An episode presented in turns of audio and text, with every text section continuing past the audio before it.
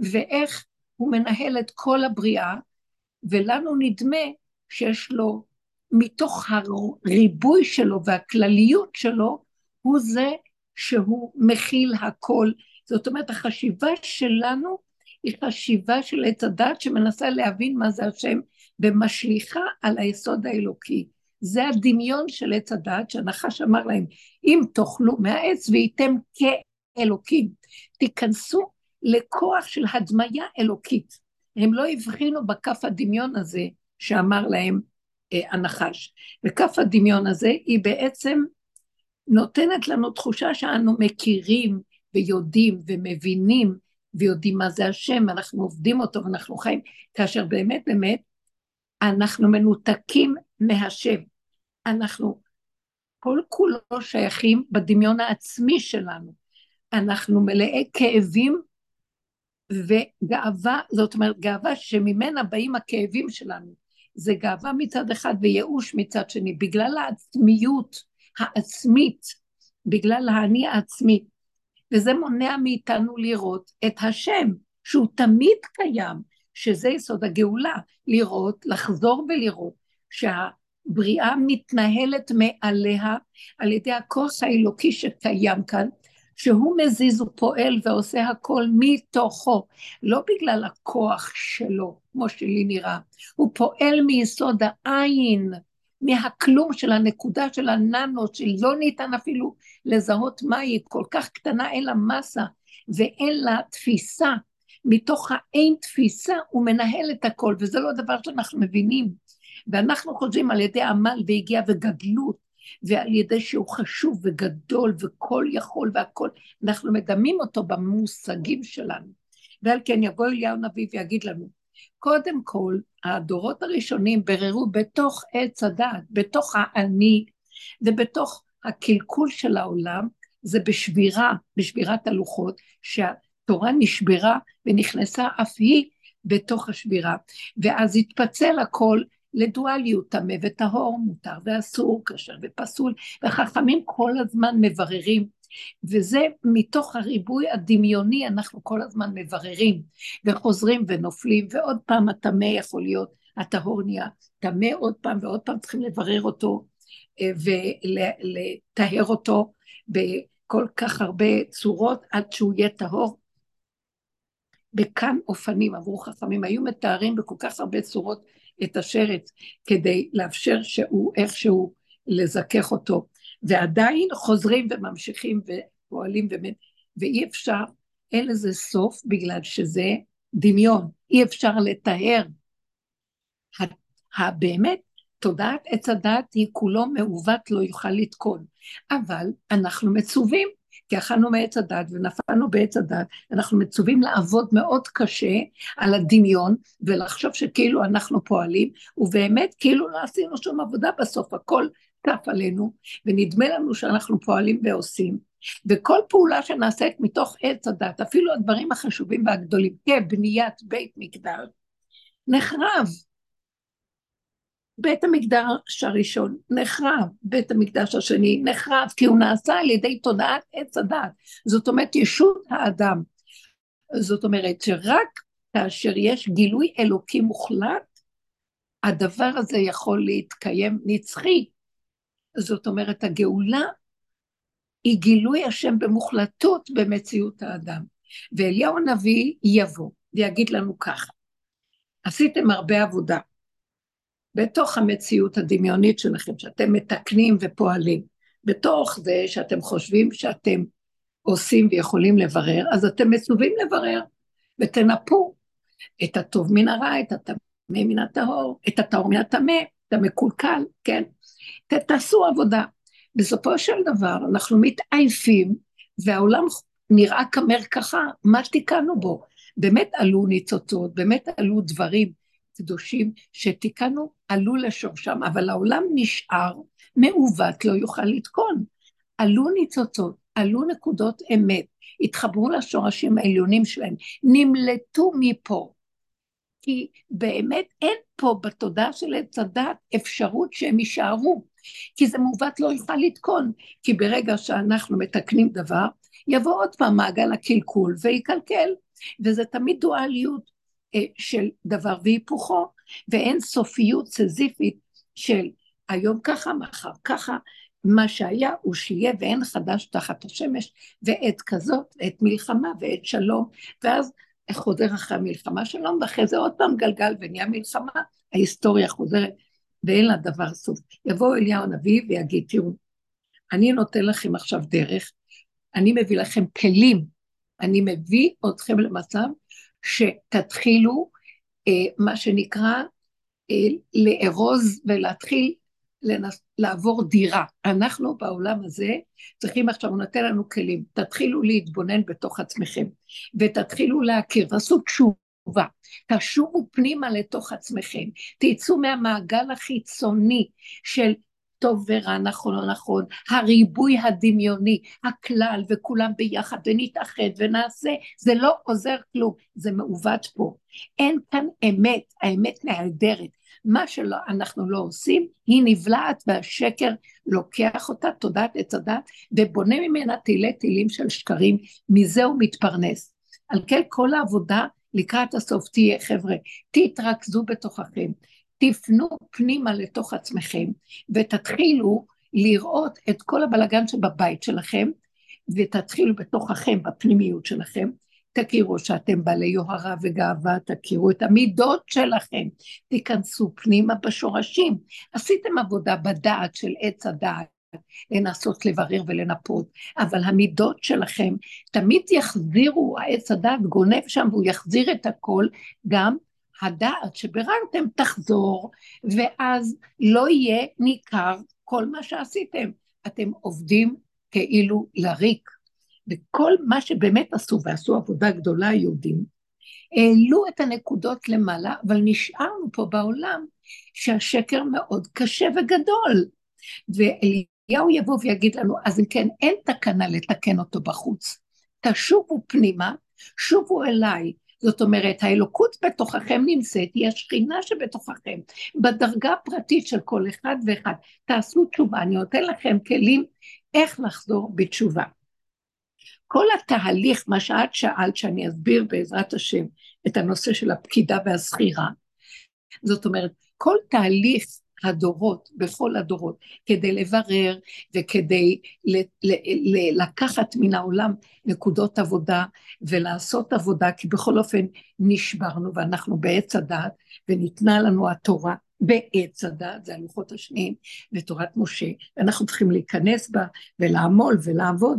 אז בכל אופן, אנחנו עושים עבודה, והעבודה שאנחנו עושים היא חשובה, אבל בסופו של דבר היא מעייפת אותנו ואין לנו הרבה כוח.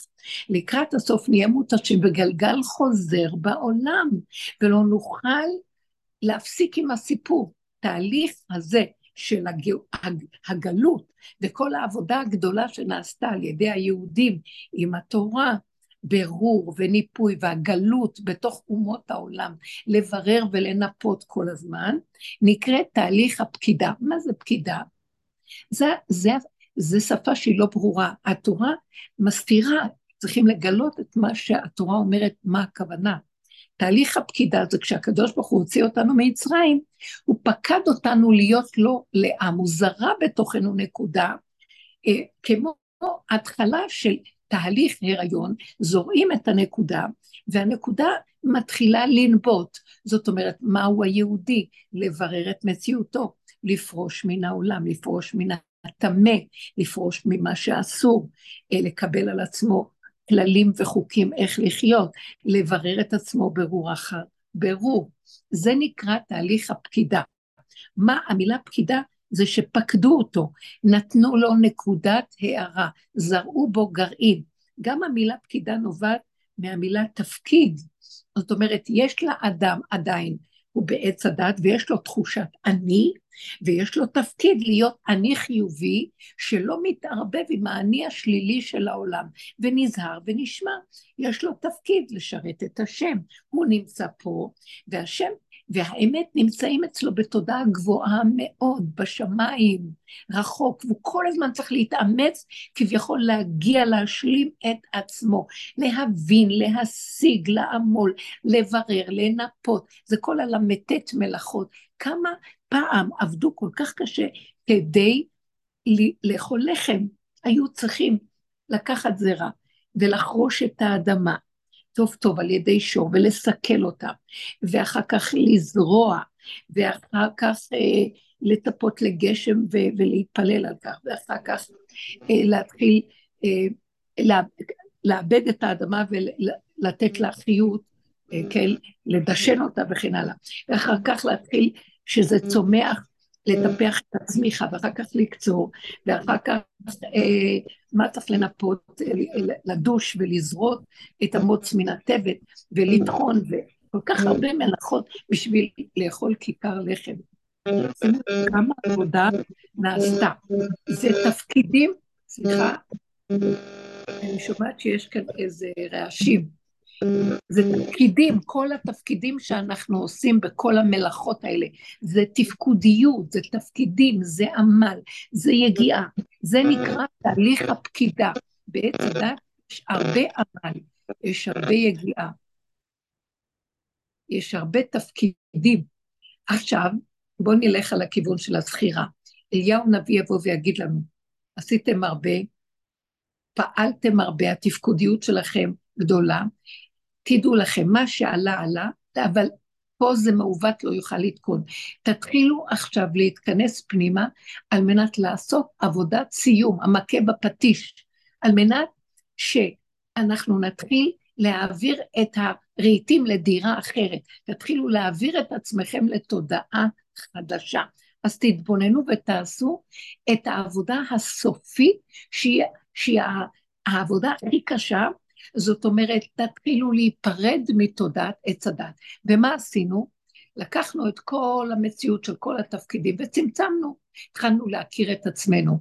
אני אימא, אני חברה, אני אישה, אני בת, אני אה, אה, עובדת אצל מעביד, וכל התפקידים שיש לנו, והתחלנו לראות את כל השקר שיש לנו תוך כדי עבודות, כל החברתיות, כל השקר בזוגיות, כל השקר במשפחתיות, כל הגחמות, כל האינטרסים, כל הגניבת דעת, כל הרוגז וה, והמחלוקות, השנאה והקנאה וה, והנקמה וה, וה, התחרות והכבוד וכל מיני מעלות ומידות שהתחלנו לברר אותם וראינו שבעצם זה לא השני שאני כועסת עליו אלא בתוכי, בתוכנו יש הרבה דמיון עצמי שהוא אה, משליך את מציאותו על זולתו, וכל הזמן מבפנים החוצה, מהתודעה החיצונית של הדעת החוצה, אנחנו מתבלבלים ומסתבכים. אז הוא אומר לנו, אליהו, תתכנסו פנימה, תתחילו להיפרד, לא תיפרדו מהמשפחה או מהזוגיות או מהחברות, אלא תצמצמו את הרחבות של היחסים ביניכם, את הדיבור, את ההרגש, ההרגשות, את המחשבות, את ההבנות וההשגות, תתחילו להישאר בתפקודיות הפשוטה עד שתראו שאתם כמעט לא פועלים כלום. ואני רוצה לעבור עכשיו להסביר מהו תהליך הזכירה. מי שעובד בדרכו של אליהו הנביא, שהיא עד הסוף, זה הדרך שקיבלנו מרב אושר, שהוא לקח אותה מאותו שורש בית מדרשו של אליהו הנביא. לשוב אל עצמו, לבקר, לדרוש, לצפות, לצפות, לדרוש מעצמו דרגה אחר דרגה, עד שהוא יגיע למקום של בגרות נפשית עצומה, שיבין ש... כל העולם נברא, לעולם יאמר אדם בשבילי נברא העולם. והבחוץ הוא רק מטעה אותנו כי זה עץ הדעת שגונב אותנו וסוחב אותנו, כדי שנתערבב איתו והוא יוכל לינוק מאיתנו ולא ייגמר הסיפור הזה, הוא מתרחב ועוד פעם נופלים ועוד פעם קמים ועוד פעם נופלים ועוד פעם קמים. ואז אנחנו מצטמצמים פנימה ומתחילים להתרכז עד הגולמיות של עצמנו. והתעייפנו, זה הרבה עבודה, זה הרבה התבוננות.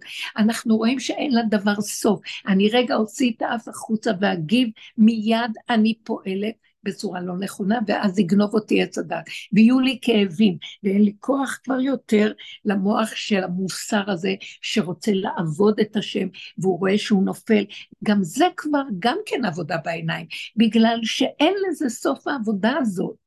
ובסופו של דבר גם עבודתו של אליהו הנביא נגמרת, זה שלושה ימים לפנות בו משיח, ואנחנו מגיעים לגבוליות של הגולם שלנו, ואין לנו כוח כבר לעשות שום עבודה, ואנחנו באמת ביראה שמא ניפול עוד פעם, אז אנחנו מתכנסים עוד יותר פנימה, ונשארים בתפקודיות מאוד קטנה, בקושי מתפקדים, מה שמתפקים במינימום האפשרי, אנחנו רואים שדרך זה יש לנו חיות. אליהו הנביא, אה, העבודה מבית מדרשו מלווה אותנו שכינה משם, שכינה גבוהה, שכינה פנימית, שנותנת לנו דרך ההתבוננות וההכרה הרבה חיות, מידת הבינה, ההתבוננות וההכרה. עד שנגיע לגבול ששם שוכנת שכינת, ה, אה, שכינת האמת, הכוונה השכינה, בוא נגיד השכינה העליונה היא בחינת לאה, רוחנית גבוהה, שיש בה דעת, והיא מזהה ומתבוננת ודולה דבר מתוך דבר, ומכירה ומשיגה ומגדירה, ומבקרת ודורשת מעצמה. שמגיעים לגבוליות כמה מבחינה של רחל. זו השכינה הקטנה בהתמעטותה שנמצאת תמיד בתוכנו. אם כל חי בתוך החיות של הבריאה, שעץ הדעת כל הזמן גונב אותה ויונק ממנה דרכנו, שתמיד היא נמצאת שם. היא יסוד הגאולה. אם נקים אותה, ממנה יתחיל האור של הגאולה. אנחנו חייבים להגיע לגולם הזה, לגבוליות הזאת, ובגבוליות הזאת אנחנו לא רוצים יותר לפעול על ידי הדעת של עץ הדת, כי אנחנו מזהים שזה עוקץ אותנו, שזה לא נותן לנו לחיות באמת. אין לנו שמחה, אנחנו לא מז... כל רגע שעולה איזו שמחה מבפנים, ופשוט היא נגנבת החוצה. ועל כן, הכוח הזה של הגבוליות, פה נגמרת עבודתו של אליהו הנביא. ואז מתחיל גילוי אורו של משיח. אורו של משיח, על ידי הגבול הזה שאנחנו נמצאים בו בקצה בקצה, וההתמעטות האמיתית, שאין לי כבר שום כוח יותר להוציא את הראש החוצה, אני פוחדת מהאימהות שלי, שיש לה רחמנות של שקר, אני פוחדת מהזוגיות שלי שיש לה קורבניות של שקר, אני פוחדת מהחברות שלי שיש לה רצון לרצות, אני פוחדת שזה יחסל שקר וכזב, אני פוחדת מהמעסיק והמעביד שהוא שהוא ינצל אותי ויגנוב אותי ואני נהיית משועבדת בלתי שארצה, וכל המציאות הזאת מתחילה להכניס אותי פנימה לדרגה של צמצום מאוד גדולה, שפנימיותי עכשיו מאיפה יונק את הגולם הזה, שהזחל שלו והעבודה ימין שמאל של הזחל שמ...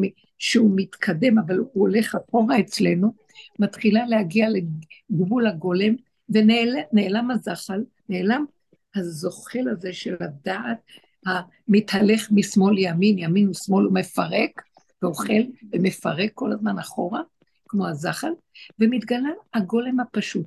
הגולם הוא תשוש, הוא גבולי, הוא לא רוצה, הוא לא חושב רגיל, נעלמים לו כוחות החשיבה, הזיכרון, של העולם, אה, יצר הווכחנות והנצחנות, אה, ההתרגשות וההתפעלות של הגוף, של ההרגשים שכתוצאה מהמוח הם מפעילים אותנו, הנעלבות וכן הכעס או החרדה והפחד וכל דבר, ואדם נשאר קטן ומתמעט לתוך מציאותו כמו ילד קטן ותינוק.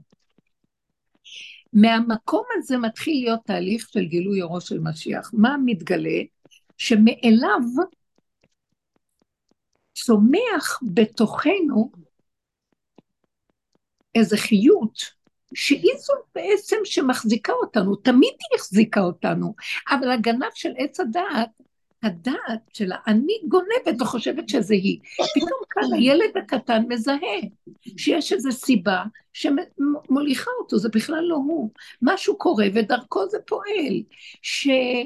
אה, שזה לא הוא שפועל ועושה את כל מה שהוא עכשיו עשה, אלא יש משהו שמזיז לו את הידיים והרגליים, והוא, אין לו את המוח שהיה לו פעם, שמשקיף, שחושב שזה הוא, שמתווכח עם עצמו, מתנצח, הוא נשאר פשוט קטן, נכנע ופועל בפשטות קטנה ומתחדש כל רגע. הכוח הזה נקרא כוח ההיזכרות, מתוכו נזכר לו מה הוא צריך לעשות, לא מהמוח שלו, שיודע אחד ועוד אחד שווה, מהלימוד, מהשינון, מההבנה והשגה, אה, ממה שהוא יודע, מהאינפורמציה והמחסני ידע. לא, זה נובע מתוכו, אין לו זיכרון, ואיך אם כן הוא יודע מה הוא צריך לעשות, ואיך הוא זוכר שהוא צריך ללכת. הזיכרון בא והולך ואין לו, לו תחושה של זמן. הוא בכל אופן, בתוך הזמן הזה עולים וצפים דברים והוא פועל ועושה, ובמדויק. והכל הולך בדרגה שזה פלא פלאים, ויש התפעלות ופליאה.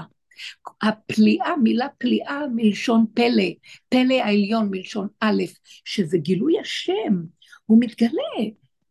הזכירה זה שנסגר המוח של עץ הדת, מתחיל להתגלות מוח מתוך הבשר ודם שלנו, מתוך התודעה הגבולית, צף ועולה איזה חיות שיודעת מעליה מה היא צריכה לעשות. וזה נקרא כוח הזכירה בלשון חז"ל. הזכירה, זוכרים. למשל, בואו ניקח את פרשת ציצית. וידבר השם אל משה לאמור. ויאמר השם אל משה לאמור, דבר אל בני ישראל ואמרת עליהם, ועשו להם ציצית על כנפי בגדיהם לדורותם. זאת אומרת, צריך לקחת את הכנף של הבגד, שהוא ארבע כנפות, לא חשוב, ובכנף שלו, בפאה של הכנף, בסוף הכנף, שימו לב, זה, זה מרמז על השכינה, בסוף הכנף לשים, להטיל ציצית, לעשות ציציות. עכשיו, ועשיתם לכם ציצית על כנף, לדור. אה, רגע, ציצית על כף אבנותם.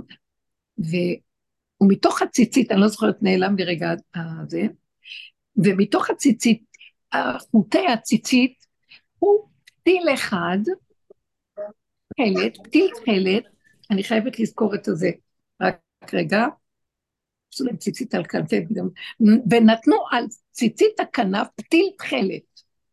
קחו פתיל אחד, תכלת, בצבע התכלת, שמרמז על כיסא הכבוד והשכינה, ו... ו... פתיל תכלת, אה, רק רגע. ונתנו ציצית הכנף, פתיל תכלת, אתם רואים, אין לי זיכרון. רגע הוא בראש שלי ורגע נעלם. וראיתם אותו, תסתכלו על הפתיל תכלת הזה, ראיתם אותו, ועשיתם את כל מצוותיי אשר אני מצווה אתכם. וזכר, לא, וזכרתם את כל מצוותיי אשר אני מצווה אתכם היום. רגע, לא, לא, אני חייבת את ה... סליחה שאני אביא את זה מול העיניים, סליחה.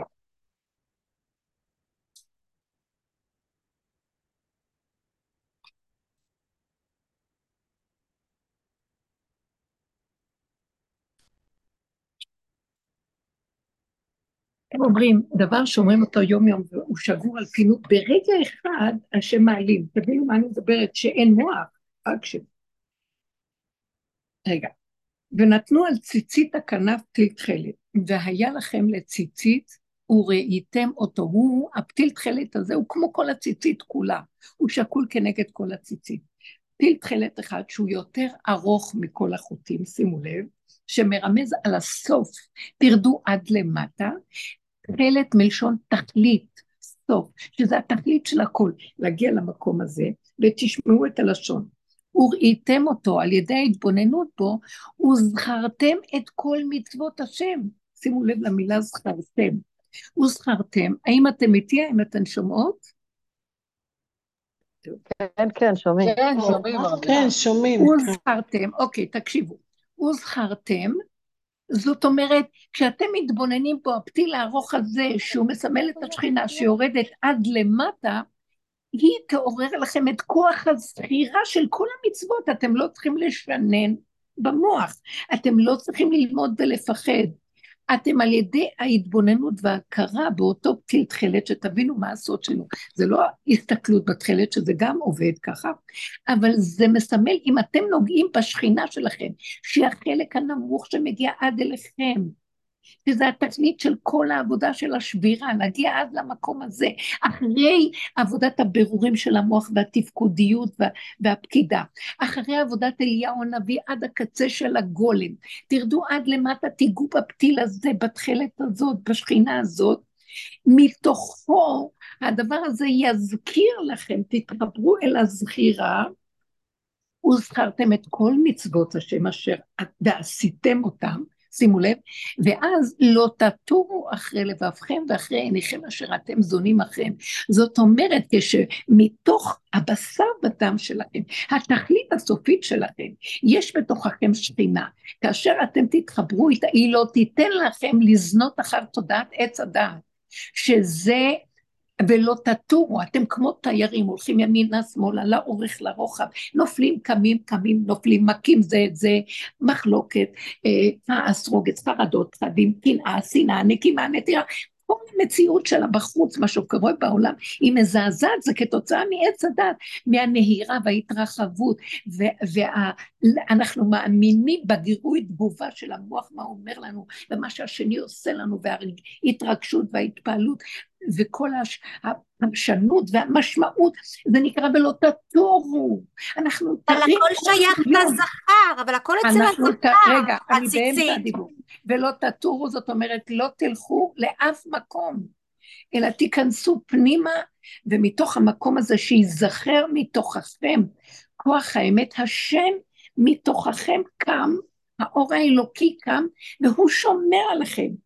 הוא זה אשר מחזיק אתכם שלא תטורו, ואז תעשו במילא את המצוות, כי הן מצוות שחקוקות בחוק הבריאה. לא צריך את עץ הדעת כדי לזכור את המצוות. זה הלוחות הראשונים שחקוקות מבשרכם.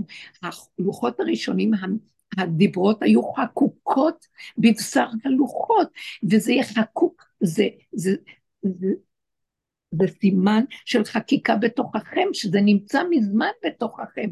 מתוככם אתם יודעים ומבינים הכל, ולא לתת למוח הזה, אה, לא תימשכו אחריו, והוא לא יטעה אתכם, כי יש בו ריבוי ויש בו ספק ודבר והיפוכו וכן הלאה. ואז הוא אומר, ואחרי כל זה שתהיו במקום הזה של ההיזכרות, או אז, וייתם קדושים לאלוהיכם. משם אתם תתקדשו, האור הזה מקדש אתכם. מה המילה קדוש, המילה קדוש פירושה, תפרשו מעולם תודעת עץ הדת, הסכנה והכאב והאיסורים שהוא עושה, ואז כשאתם פורשים ממנו, אתם מתקדשים לי, אתם שייכים לי, אתם מתחברים לקדושה, ואתם נכנסים לתודעת משיח, שזה הקדושה, תודעה חדשה, אור חדש על ציון תאיר, אור שלא שייך לכל הריבוי וה... זה עולם האצילות, זה עולם של נקודת הפרט בכל אחד ואחד, מתחברת מאליה, דרך האלוקות שבתוכה, לכלל, והכלל והפרט מתחברים באחדות שלמה, לא דרך המוח ולא דרך הגחמות של אה, אה, שטיקים וטריקים של אחדות וכל מיני אה, עבודות כדי להתחבר זמנית, שאף פעם זה לא תופס. אז אני מקווה שהסברתי את הנקודה הזאת. על מנת להגיע למקום של ההיזכרות, שאנחנו כבר מתחילים להיכנס בדבר, חייבים לפרק את עץ הדת בתוך מציאות האדם. זאת אומרת, האדם צריך להיות נאמן ליסוד הפנימי שלו, ולפרק את כל זיק של שקר וכזב שבא לעומתו, זה מאוד קשה, זה קל לי לדבר, אבל זה מאוד קשה, זה כל הזמן.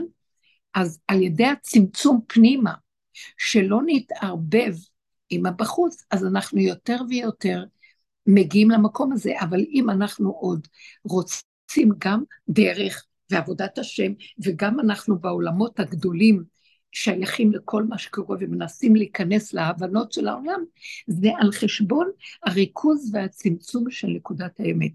משיח הוא דבר שהטבע של עץ הדת מתנגד לו. הוא חיות שהעולם פה מתנגד לו בגלל שהוא לא מתח, מתחבר ומתקשר לסוד השכל של העולם, הוא נראה כמו משוגע לעולם, הוא נראה שונה מהעולם, הוא לא מחשבן לעולם, הוא לא דופק חשבון למציאות של העולם. הוא חי בתוך הנקודה הפנימית שמתוכה האלוקות מתגלה, ואז דרך זה הוא עוזר לעולם. פרט אחד כזה מביא ישועה גדולה לעולם. אה, זה שדיברנו על הפרשת תרומה, אני מדברת בעצם על ועשו לי מקדש ושכנתי בתוכם, שאנחנו בתורת השבירה בנינו, בית, היה משכן שמשה רבנו הקים, אבל אחר כך נבנה מקדש ונחרב, בית ראשון, בית שני נחרב. זה נבנה מתוך התפיסה של עץ הדעת, כי עדיין לא הגענו לתכלית של הנגיעה ביסוד של ההיזכרות הפנימית, שמשם הכל צף. אמנם שלמה המלך היה לו את הכוח הזה, לכן גם אה, הבנייה של בית המקדש, הוא חייב להיות על ידי מלך ונביא. הוא לא יכול שכל אחד יקום ויבנה מקדש. מלך ונביא זה, זה הפרט הזה שאנחנו עובדים עליו, שהוא עבד עם הנקודה הפרטית שלו, ומלך נמשך למלך על ידי נביא, ונביא, השם מתגלה בתוכו ומושך אותו מתוכו, שידבר את דברו ויהיה מקודש וקשור להשם. קידשתיך מבטן, כמו שכתוב בדבר הנביא. זה כל המציאות של העבודה הזאת, היא מביאה אותנו ליסוד הפרט שממנה יעלה כוח הנבואה וכוח המלכות. ואז רק הכוח הזה, הפרטי האמיתי שמתחבר להיזכרות, ממנו הפרט הזה שעובד, יכול לבוא בנייה אמיתית של בית המקדש, אם יהיו כמה כאלה. אה, ולכן אנחנו מחכים למשיח שיבנה לנו את בית המקדש. אמנם בית המקדש כבר יהיה בנוי כשמשיח בא, אבל הבנייה של בית המקדש, כתוב, למה כתוב? אה, שבשעה שמשיח מגיע, הוא עולה על גג בית המקדש ואומר, הנביאים, הנביאים, הגיע זמן גאולתכם. ואם אין אתם מאמינים, ראו באורי אשר זורח, כן, כמו שאנחנו יודעים. זאת אומרת שבית המקדש כבר יהיה בנוי כשהוא יגיע, אבל זה בזכותו, בזכות האדם הפרטי שעובד בדרגות הפנימיות, יכול להיבנות המקדש האמיתי. אבל קודם כל צריך כל אחד ואחד להיות פינת מקדש מעט, אמיתי. עכשיו, אני לא יודע מי השני, מי השלישי.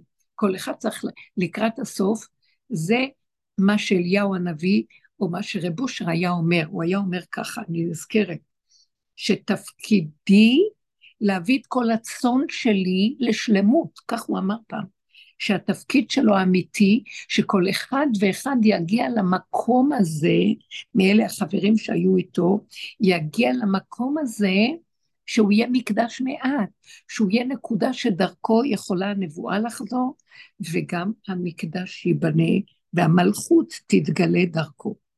וזה המהלך שאנחנו עובדים עליו, הלוואי ונזכה, זה דיבורים מאוד יפים, זה לא קל.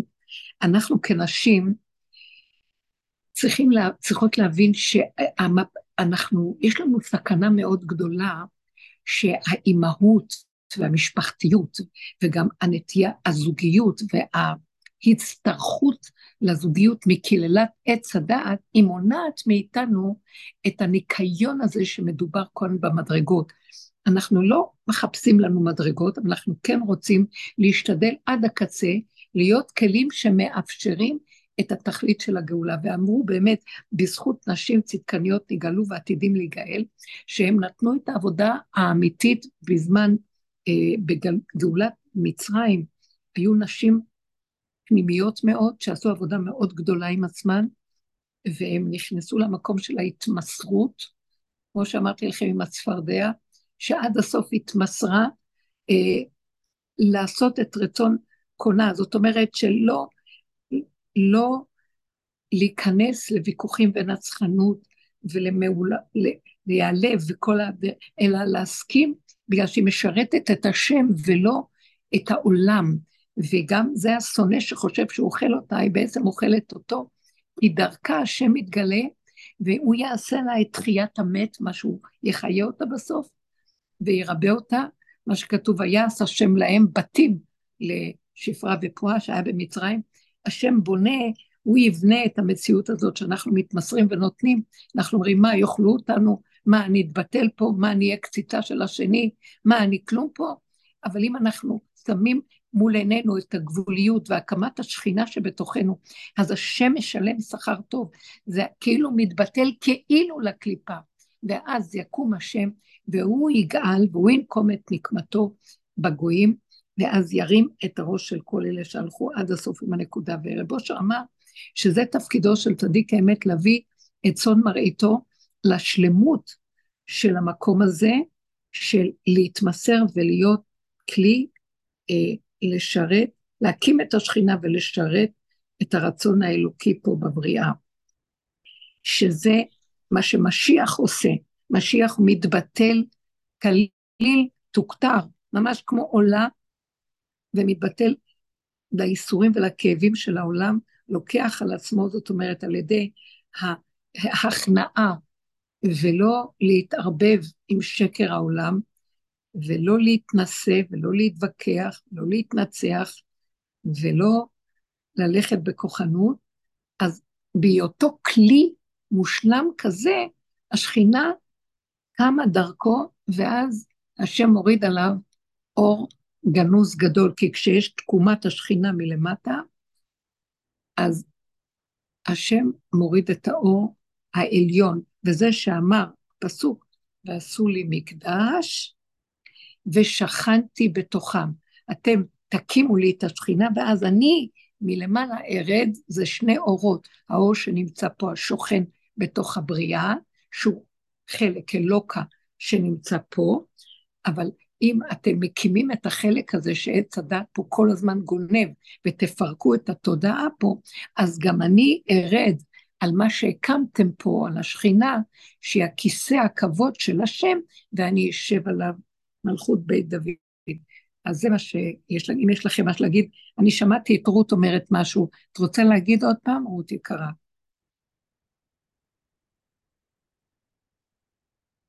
טוב.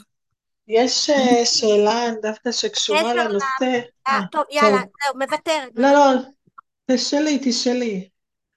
לא, לא, ויתרתי, תודה, שבוע טוב, תודה. טוב, אוקיי.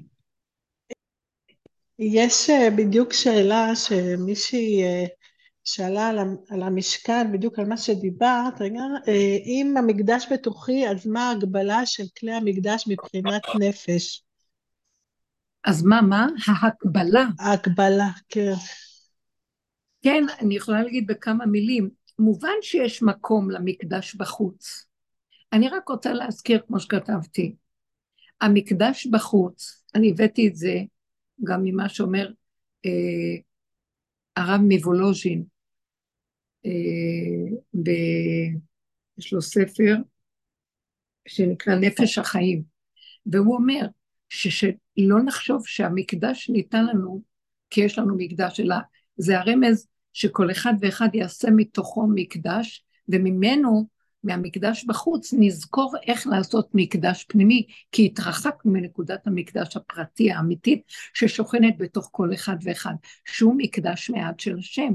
והעובדה היא שאדם הראשון לא נצטווה לבנות בית מקדש. כתוב, הוא שם אותו בגן עדן לעובדה ולשומרה, שהוא מצוות תעשה ולא תעשה, אבל לא היה לו העניין של להקים מקדש, בגלל שהוא בעצמו היה מקדש שלם לפני חטא עץ הדת, והוא גם הוא בסופו של דבר, רק אחרי שהוא חטא הקריב קורבנות, אבל באמת לא נצרך גם קורבנות כשיש את השלמות הזאת, כי זה רק בגלל חטא עץ הדת, וכסברת הרמב"ם, שאומר שכל הקורבנות זה כנגד עבודה זרה שהייתה מקובלת אז בעולם בתקופת משה וכל התקופות שאחרי, שכל הזמן עבדו עבודות זרות, אז זה כדי לבטל את העבודות זרות, הקריבו את זה להשם, לדרגות העליונות בבריאה, אה, כי יש מקום לקורבנות, אבל כאשר נגיע למקום שיתגלה השם באור הגנוז פה בכדור הארץ, לא יצטרכו גם קורבנות, כמו שאמרו, עתיד, עתידים קורבנות אה, להתבטל. אבל נחזור לשאלה שהיא אומרת כאן. באדם הפרטי יש אה, כמה נקודות שדיברנו עליהן אולי פעם, שאנחנו, ש, שהמקדש מעט בתוכו מרמז אותם. זאת אומרת, יש את ארבע כלים העיקריים במקדש, שהם היו בתוך, אה, ש, שלוש כלים בתוך ההיכל, כלי אחד בתוך קודש הקודשים, וכלי אחר, שזה החמישי, היה בחוץ. בחוץ היה מזבח החיצון, שבאזהרה של הכהנים הוא היה ממוקם שם, והיו אה, מקריבים עליו את הקורבנות. אדם היה מביא את קורבנו, והכהנים היו אה, מקריבים אותו שם על המזבח. לא ניכנס לפרטים. אז המזבח שבאדם הפרטי זה הקורבנות שאנחנו מקריבים בדרך שלנו, אנחנו אומרים, השתיקה שאני שותק לאחד שמבזה אותי, ישמע חרפתו וידום זה קורבן מאוד גדול. אנחנו מקריבים קורבן מאוד גדול. אנחנו מקריבים אותו, כאילו, זאת אומרת, ישמע חרפתו, לא מגיע לי, למה השני, השני מבזה אותי? ואני, וזה לא צודק, למה שאני לא אענה לו? אבל כאשר אני שותק לו, אני כרגע באיפוק הזה שאני מאפק את היצריות שלי, של הנצחנות, אה, של הכעס, של העלבון, אה, של הרצון להוכיח שאני צודק, ואני שותק. זה עולה להשם, זה שחיטה, זה שוחט את האני של האדם, שמאוד קשה לו להתאפק. הוא רוצה להגיב, הוא מצדיק למה הוא צריך לענות, זה לא פייר, זה לא צודק, זה לא הגון, יש מקום שגם אני אגיד משהו, אבל באמת באמת, מי שנכנס בעבודה שלנו, שזה סוף כל העבודות, ורוצה להביא גם את כל הקורבנות שאנחנו מקריבים פה בלי סוף, בלי סוף, עושים עבירה, מיד אנחנו צריכים לשלם עליה, ואין לנו היום בית מקדש, ואין לנו מזבח, ואין לנו קורבנות, אז אנחנו חוטפים מכות, חוטפים מחלות, חוטפים אה, מלחמות וכל מיני כאבים שיש פה ושונאים עלינו בלי סוף, וזה כתוצאה מזה שאין לנו יכולת להקריב. והעבודה שלנו בסוף, בא אליהו ואומר, אין לכם כלום, תקריבו בתוך עצמכם את עצמכם, את הישות העצמית שלכם. וזה מסמל את הקרבת הקורבנות בחוץ. עכשיו בואו נתכנס פנימה. זה רק בחוץ, יש כמה וכמה דרגות של קורבנות שאנחנו מקריבים. אני לא אכנס בהם כי זה לא המקום, יש קורבן עולה, יש קורבנות כלליים, יש קורבן ציבור, יש קורבנות פרטיים, קורבן אשם, קורבן חטאת, קורבן תודה שאדם מודה להשם וכן הלאה. כל הקורבנות האלו היו מקריבים אותם במזבח החיצון. עכשיו, כשנכנסים להיכל, היה בהיכל השולחן, המזבח של הקטורת והמנורה, שלוש כלים שהיו בתוך ההיכל קדוש, והשולחן היה מרמז לשולחנו של אדם, שזה המקום של השפע והברכה שלו, ששם היו שמים את לחם הפנים. זאת אומרת שזה העבודה הפנימית של האדם בדרגות הפנימיות, איך להיות לפני השם, השולחן הטהור שלפני השם, זאת אומרת האכילה הפנימית שלו, איך הוא מעכל את כל העניין של המציאות של עצמו, כשהוא מפרק את כל הכעס והרוגז והעצבים והקנאה והשנאה, שזה המזבח החיצון, הוא נכנס פנימה לתוך עצמו ושותק. כשהוא שותק, הוא, המציאות שלו, הוא הופך להיות כמו שולחן שהקדושה יכולה לאכול ממנו. זה השולחן הטהור, שהיו שם, שמים שם את לחם הפנים, אה, שזה היה, הכהנים בסוף אכלו את זה, אבל זה היה נשאר על השולחן כל השבוע, משבת לשבת היו אה, מחליפים אותו. זה השולחן הזה אה, מסמל את הנקיות של האדם, את העשירות של האדם, זאת אומרת, את הברכה. אדם כזה שהוא פנימי, והוא לא מתערבב עם הבחוץ, ולא מתקלקל עם כל מה שקורה בחוץ, אז הוא הופך להיות כלי זך וטהור, אה, שהאכילה, שכאילו הוא אישה ריח ניחוח להשם, הוא לחם של השם גם, כמו שהקורבנות עולות להשם, זאת אומרת כל המידות שלו בחיצוניות היצרית של הבהמה שלו, הבהמה, כך גם הלחם הפנימי שלו, הוא נהיה אדם שאכילתו היא רמה אחרת, מציאותו מצומצמת, מרוכזת, מאוד מאוד אה, בעדינות, ובקטנות, הוא אוכל לפני השם. הכל פנימי, הוא הופך להיות המאכל פנימי, השכינה ניזונת ממנו, זה, זה דרגות פנימיות. בואו ניקח עכשיו את המנורה שמסמלת את התורה, או את הדעת העליונה שמסמלת להדליק את המנורה, כן?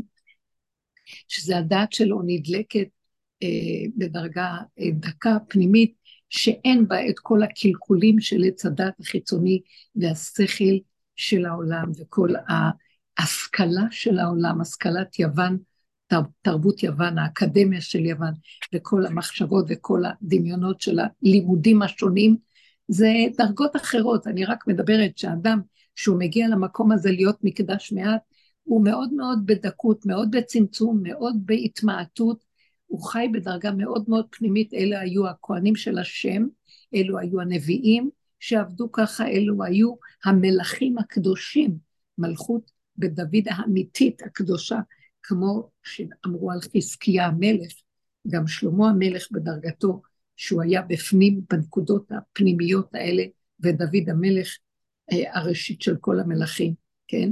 ואז המקום הזה, אה, בדרגה הפנימית של האחריות של המנורה, היה מדליק בעצם, משם נדלק כל האור של התורה בחוץ. מתוך הדלקת המנורה, מתוך הלחם הפנים, אה, כל הברכה והשפע בא לעולם. הקטורת, היה מזבח הקטורת שהיו מקריבים, הקטורת זה מלשון התקשרות, דבקות, קשר. קטירו בארמית זה קשר. היה נדבק הבן אדם בקשר עם השם, שהוא היה כולו נקי טהור פנימי, הוא נדבק בתוך המציאות של הקדושה הזאת, ואז הקטורת מעלה, כאילו עולה, כמו, זה כמו אישה שמעלה אהבה, אה, מעלה את השפיות הפנימית שלה לרצות להתחבר, כן? אז זה המקום של הקטורת הזאת.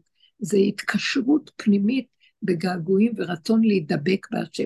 ואחר כך קודש הקודשים, הייתה מחיצה בין ההיכל לקודש הקודשים, שהייתה נקראת הפרוכת, ואז בתוך קודש הקודשים היה אה, ארון העדות והכפורת שעל העדות, והיו עליו שני כרובים. זאת אומרת, היה ארון שעשוי, עשה שיטים עם זר זהב, וגם בפנים היה זהב, ובתוכו היו העדות, לוחות הברית שהשם נתן למשה, שברי הלוחות, ששם זה נמצא. היום לא יודעים איפה הארון, בזמן אה, יאשיהו המלך הכניסו את זה מתחת אה, למעבה של בית המקדש במטמוניות שלמטה, במנהרות המקדש, למטה, לא ידוע איפה הוא היום. בכל אופן, בבית השני לא היה ארון ולא היו עדות, כן? זה היה ב, ב, בזמן בית הראשון. והארון העדות הזאת ועליו הכפורת, זה כאילו ליבו של כל העסק. הלב שגם אבן, הוא היה עומד על אבן השתייה, אבן השתייה שהייתה יוצאת כמה סנטימטרים מהאדמה, הסלע הזה הגדול שמתחת לבית המקדש היה מציץ כשלוש-ארבע סנטימטר החוצה, ועליו מונח הארון של העדות, הארון הזה, ועליו היו, אה, אה, סידרו, אה, פיסלו שתי אה, כרובים בדמות זכר ונקבה, שני ילדים, כמו שני ילדים קרובים, שכנפיהם היו סככות פרוסות אחד לשני. וקודש הקודשים נקרא בלשון חז"ל חדר המיטות אשר בבית השם, ששם הייתה אהבה, תוכו רצוף אהבה. זאת אומרת, קודש הקודשים, אה, רצוף אהבה, שכינת עוזך, תל תלפיות שכל הפיות פונים אליו, אנחנו רואים את זה בהושענו. כן? אז אה, זה מאוד מאוד יפה. כל מה שתיארנו פה זה התכלית של כל הקרבת הקורבנות, של כל השולחן הטהור והמנורה, זה מזבח הקטורת, אה, מזבח קטן, הקטורת, לא מה שהיה במזבח בחוץ של הקורבנות, זה נקרא מזבח הקטורת, וקודש הקודשים, התכלית שלו היה קודש הקודשים, שיהיה תוכו רצוף אהבה, וירד האור הקדוש, וישרה בכזאת, אה, כמו דבקות של אה, זיווג, אהבה בין אה, זכר לנקבה, שזה השכינה והקדוש ברוך הוא, זה הדימוי. ובתוך האדם שיהיה המקום הזה גם כן, כי זה מה שהאדם יכול להשיג מבפנים. את זה רצו אחר כך לבנות ברמה חיצונית כדי שתשרה שכינה בעם ישראל, וכל האומות גם כן, בכל כדור הארץ יש שפע ברכה, וידעו ויכירו כל יושבי תבל, כי לך תכה כל ברך, תשבע כל לשון, כי ביתי בית תפילה יקרא, לכל העמים. זה, אבל קודם כל שנדע שאנחנו לא נוכל שיהיה כאן שלום ואחדות עד שהאדם לא יגיע בדרגות הפנימיות שלו למצות את עצמו ולחזור בתיקון אדם הראשון כפרט אחד.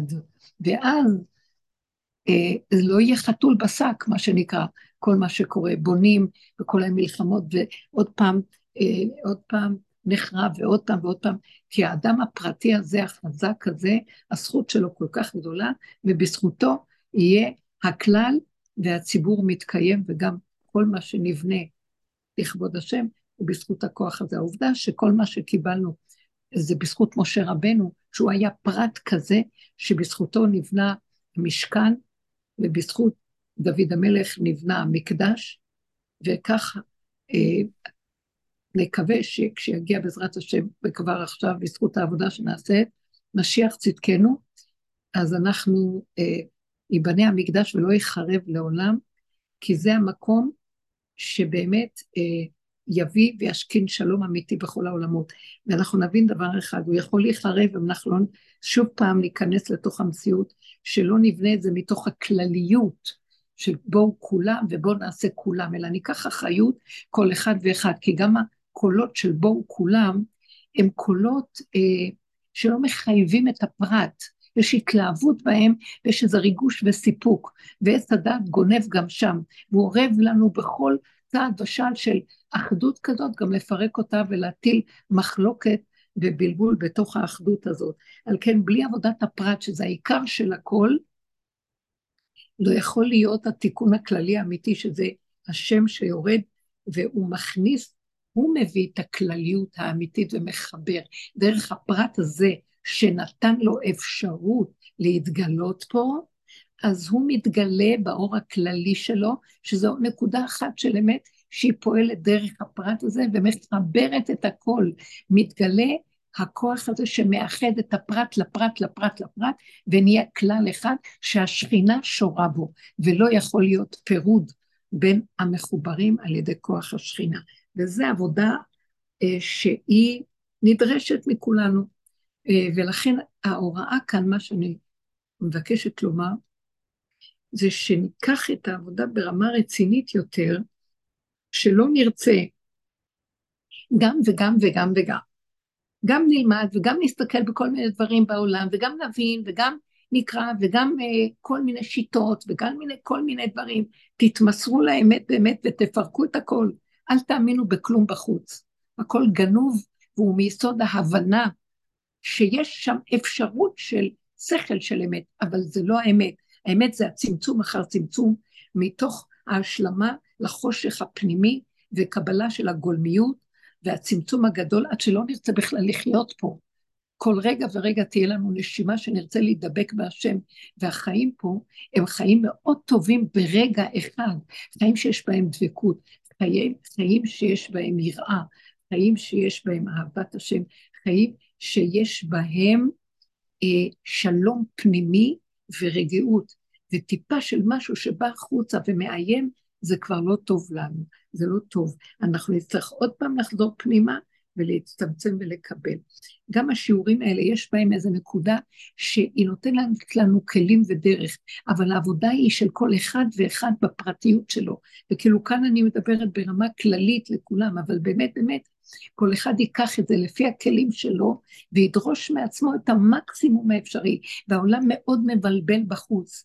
העולם היום הוא רק בוא ותפתח ותסתכל וכל מיני דברים וכל מיני ידע וכל מיני דברים שנראים כאילו וואו וכל מיני, ואני סוברת שמתוכנו הכל יתגלה ברמה הרבה יותר נקייה, יותר דקה, נחל נובע מקור חוכמה, שלא נצטרך לקחת את זה לא מכל הבחוץ הזה, מה שקורה, לא מכל ה... אה, אינפורמציות שיש לנו ונתבלבל בהן ונחשוב שאנחנו יודעים כי אנחנו למדנו וחקרנו וידענו, אלא מתוכנו יזרום כל האמת. האמת שכל ההבנות וכל אלה שאנחנו נוהים אחריהם, אה, מטרתם להביא אותנו לפיצוץ המוח בסוף, שלא נרצה להכיר ולהבין כלום יותר. כי נכיר שזה רק אפשרות, זה לא באמת מביא לנו כלום. האמת שאנחנו נכנעים לרגע של הכרת הפגם ולשלילה, ולא נשברים, ונותנים את מציאותנו להשם, ומתחדשים בקטן, כאילו אני קטן תינוק ברמה של לא רוצה עולם וכאשר עבדתי, עבדתי, כמו שעשתה אסתר. אני לא מוכן לחיות פה בשקר ולפרנס את השקר, אלא אני לא, ברמה של ממש התאבדות להשם יתברך, ברמה הפנימית הזאת ייבקע נחל נובע מקור חוכמה. תיבקע האור של השכינה ויתגלה פנימיות שמעצמה יודעת, והיא פועלת כרצותה, כרצון השם יתברך שנמצא בתוכה. זה גילוי השם בתוך מציאות השכינה. אבל התכלית שלנו זה בעבודת הפרט להקים מקדש מעט. ושכנתי בתוכו של כל אחד, ועשו לי מקדש, ושכנתי בתוכו של כל אחד ואחד.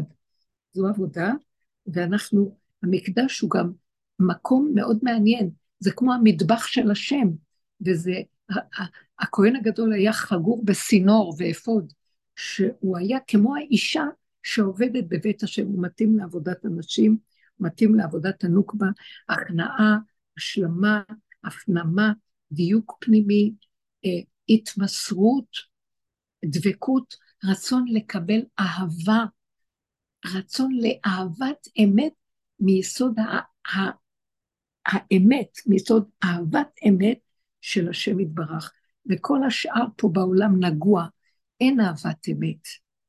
אין באמת נתינה באמת, אין באמת אכפתיות ולב של אמת, ואנחנו צריכים להכיר את זה ולא לכעוס על זה, כי זה כאן העולם, ככה זה, ובתוך כל זה הוא נתן לנו משפחתיות וזוגיות, או זוגיות ומשפחתיות וחברות והכל, ואנחנו משחקים אותה כל הזמן בכאילו, וצריכים כל הזמן לזכור את הכללים של המוסר בתור יהודים, איך להיות הגונים ואיך לקיים את מה שאנחנו חייבים כלפי הזולת והסובב, אבל זה מעייף בגלל שזה נגנב כל הזמן וזה משקר.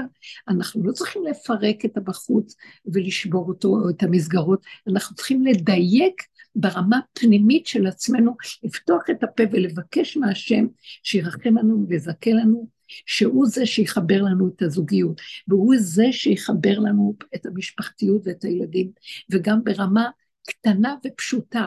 לא צריך כוחנות ולא צריך שליטה, ואת הסיפוקים והריגושים של כל השבט המשפחתי שאנחנו יונקים ממנו, ואנחנו לא עומדים בשום ניסיון כמעט, ונופלים תדיר.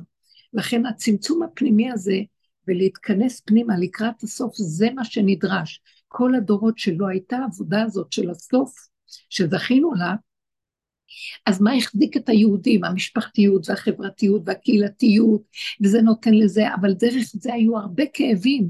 שלטו בנו כל מיני כוחות, אם זה כוחות האימהות הגדולה שולטת, וכוחות הזכר שולט אה, על הנקבה, או לפעמים גם הנקבה יכולה לשלוט עם הגחמות שלה, וכל מיני כאלה, אחד על השני, וזה לא אמת, אבל לקראת הסוף נידרש לנפות ולדייק ולהגיע למדרגות של דרישה עצמית יותר גבוהה של אמת. עדיף לשתוק ולא להתבלבל ולא להתווכח ולא להתנצח ולהיכנע ולעשות באמת עבודה פנימית שאני לא נכנע לזולת, אני נכנע להשם, פניי מופנות להשם.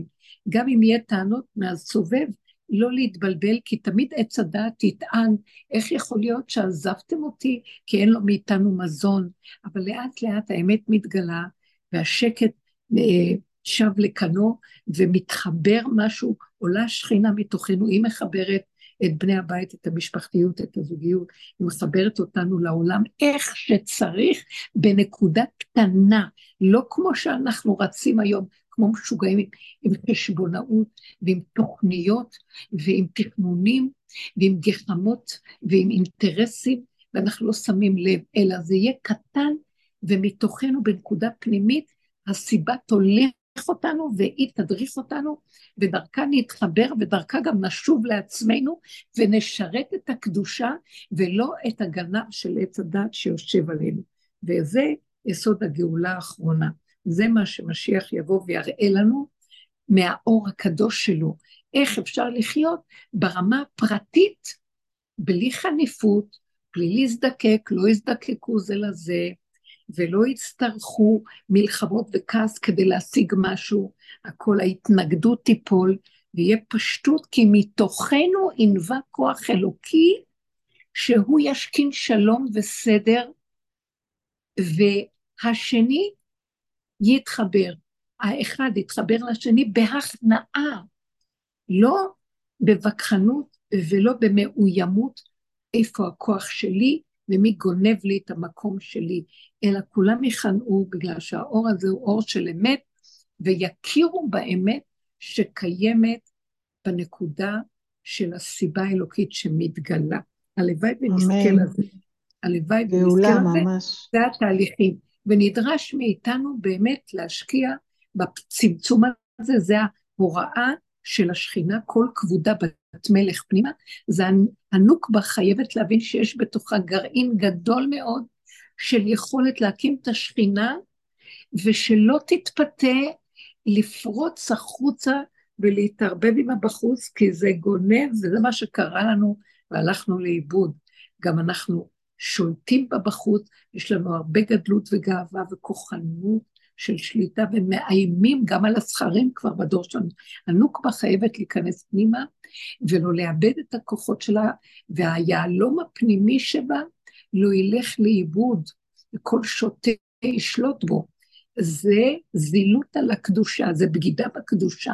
ניכנס פנימה, וזה לא, זה לא דתיות, תקשיבו לי, זה לא דתיות, זה לא חרדתיות של קיום מצוות, זה אמת, זה פשטות, זה מידות ישרות, זה גילוי שכינה פנימי, זה ברכה, זה שלום, זה שפע, ומתוך זה מתקיימות המצוות וגם המלאכות והפעולות שאנחנו צריכים לעשות. לכן האשת חיל, הפיוט של האשת חיל, בערב שבת מסמל את המקום הזה. שימו לב ליופי שיש בפיוט הזה. אנחנו רואים לפנינו כביכול דמות של אישה, שזה רק אה, בעצם אנלוגיה, שזה הצדיק שעובד את השם, וזה גם האישה שעובדת נכון כמובן, שזה כוח הנוקבה, זה הנקבה של השם, ובכן, היא פועלת. לא רואים שם, אמרו חז"ל, אשת חיל נמשלה, התורה נמשלה לאשת חיל. אה, זאת אומרת, בפיוט הזה אנחנו, אה, זה התורה. מה כאן אני רואה תורה? זה לא תורת עץ הדת של דעת, זה לא תורה של ספרים ולמדנות ושינון, אין שם שום דבר כמעט של לימוד ושינון, אבל יש שם הפגנתיות של מידות מדהימות. היא פועלת ועושה ונותנת ונכנסת בתורת חסד הלשונה, והיא יודעת את הדבר הנכון בכל רגע ואת המקום, וכל ברכה שהיא שולחת, כל דבר שהיא שולחת את ידה, יש בה ברכה ויש דיוק, וברגע אחד יכולה להיות פה וברגע אחד פה, ואין שום אה, בפניה מחסום, היא פורצת גדרים, והגדר הזה לא מוליך אותה לאבדון, אלא הכל בצורה מדויקת, משיגה מה שהיא צריכה וחוזרת. מה זאת אומרת פורצת? כאילו אה, אה, זממה שדה ותיקחהו, היא לוקחת, היא פועלת, היא, היא בונה שדה, היא בונה כרם, נוטעת כרם, יוצאת ממרחק תביא לחמה, יוצאת החוצה וחוזרת, אבל כשהיא יוצאת החוצה, היא יוצאת מנקודת האמת, מההיזכרות הפנימית שהיא זאת שמוציאה אותה וגם מחזירה אותה. היא שמורה ומוגנת, ויש עליה, אה, עוטף אותה ענן של כבוד שלא גורם לה שהיא תהיה רחבה ומעורבבת עם תודעת העולם, ולכן הכל מצליח לה, והכל בריכוז, והכל בצמצום. היא יוצאת ב- בלילה, חוזרת בבוקר, יוצאת בבוקר, חוזרת בלילה, היא הכל בקלות למרחקים, ואין זמן, אין מקום, ומתוכה הכל פועל, ואין תחושה של לאות, או כעס, או קוצר רוח ולחץ, הכל ברגיעות, בפשטות מבורכת. מבורכת, מבורכת. וזה הסמל של השכינה, שהיא מקמה דרכנו, היא פועלת דרכנו. היא לא גוף ולא מציאות גוף. אנחנו הגוף שלה. כשאנחנו מקימים אותה, או אז היא מקימה אותנו, או אז יקום הכוח העליון, שהוא האור הגנוז, שנמצא במדרגות נוספות עליונות, ויגאל, יתחבר לשכינה שלו, יהיה זיווג, אחדות, ויזדווג אלינו, זאת אומרת, הכוח הזה ייכנס בתוכנו, והוא החיבור האמיתי, ייחוד קודשא בריחו ושכינתה במציאות האדם. וכל עם ישראל וכולם יהיו נביאים, ותקום המלכות האמיתית. כל אחד יהיה בחינת מלך בתוך עצמו, ואז נזהה את המלך האמיתי ונכנע לו, לא נהיה מאוימים ממנו, נמליך אותו בשמחה עלינו, כי ככה זה, גם אולי לא נצטרך את הנקודה של המלכות החיצונית, בגלל שכל אחד ואחד תשרה בתוכו שכינה. זאת אומרת, התכלית שנחזור לתיקון שקלקול עץ הדעת ייגמר, התיקון הכללי יתגלה, נחזור לצמצום של אדם אחד. השם ברא אדם אחד, וזה אדם הראשון, ואת זה מה שהוא רצה, אדם אחד שלם, שהכל כלול בו, מתוכו הכל ואליו הכל. ובסוף כולם עולים למדרגה של אדם. אתם קרואים אדם. זה העבודה שלנו, זה הכיוון וזו התוכנית. הלוואי ונזכה בדרך שאדם רוצה לילך, מוליכין אותו. תודה רבה לכם, בנות. אם יש לכם עוד משהו לשאול אולי, נשאל, אבל זה המקום. אמן, תודה רבה. תודה רבה. אמן, שיהיה שבוע טוב והצלחה וברכה. שבוע מבורך. אמן, ודלת אמות שאין לקדוש ברוך הוא אלא דלת אמות שלא נתקלל בדלת אמות האלה. תודה רבה לכם. אמן, שבת טוב.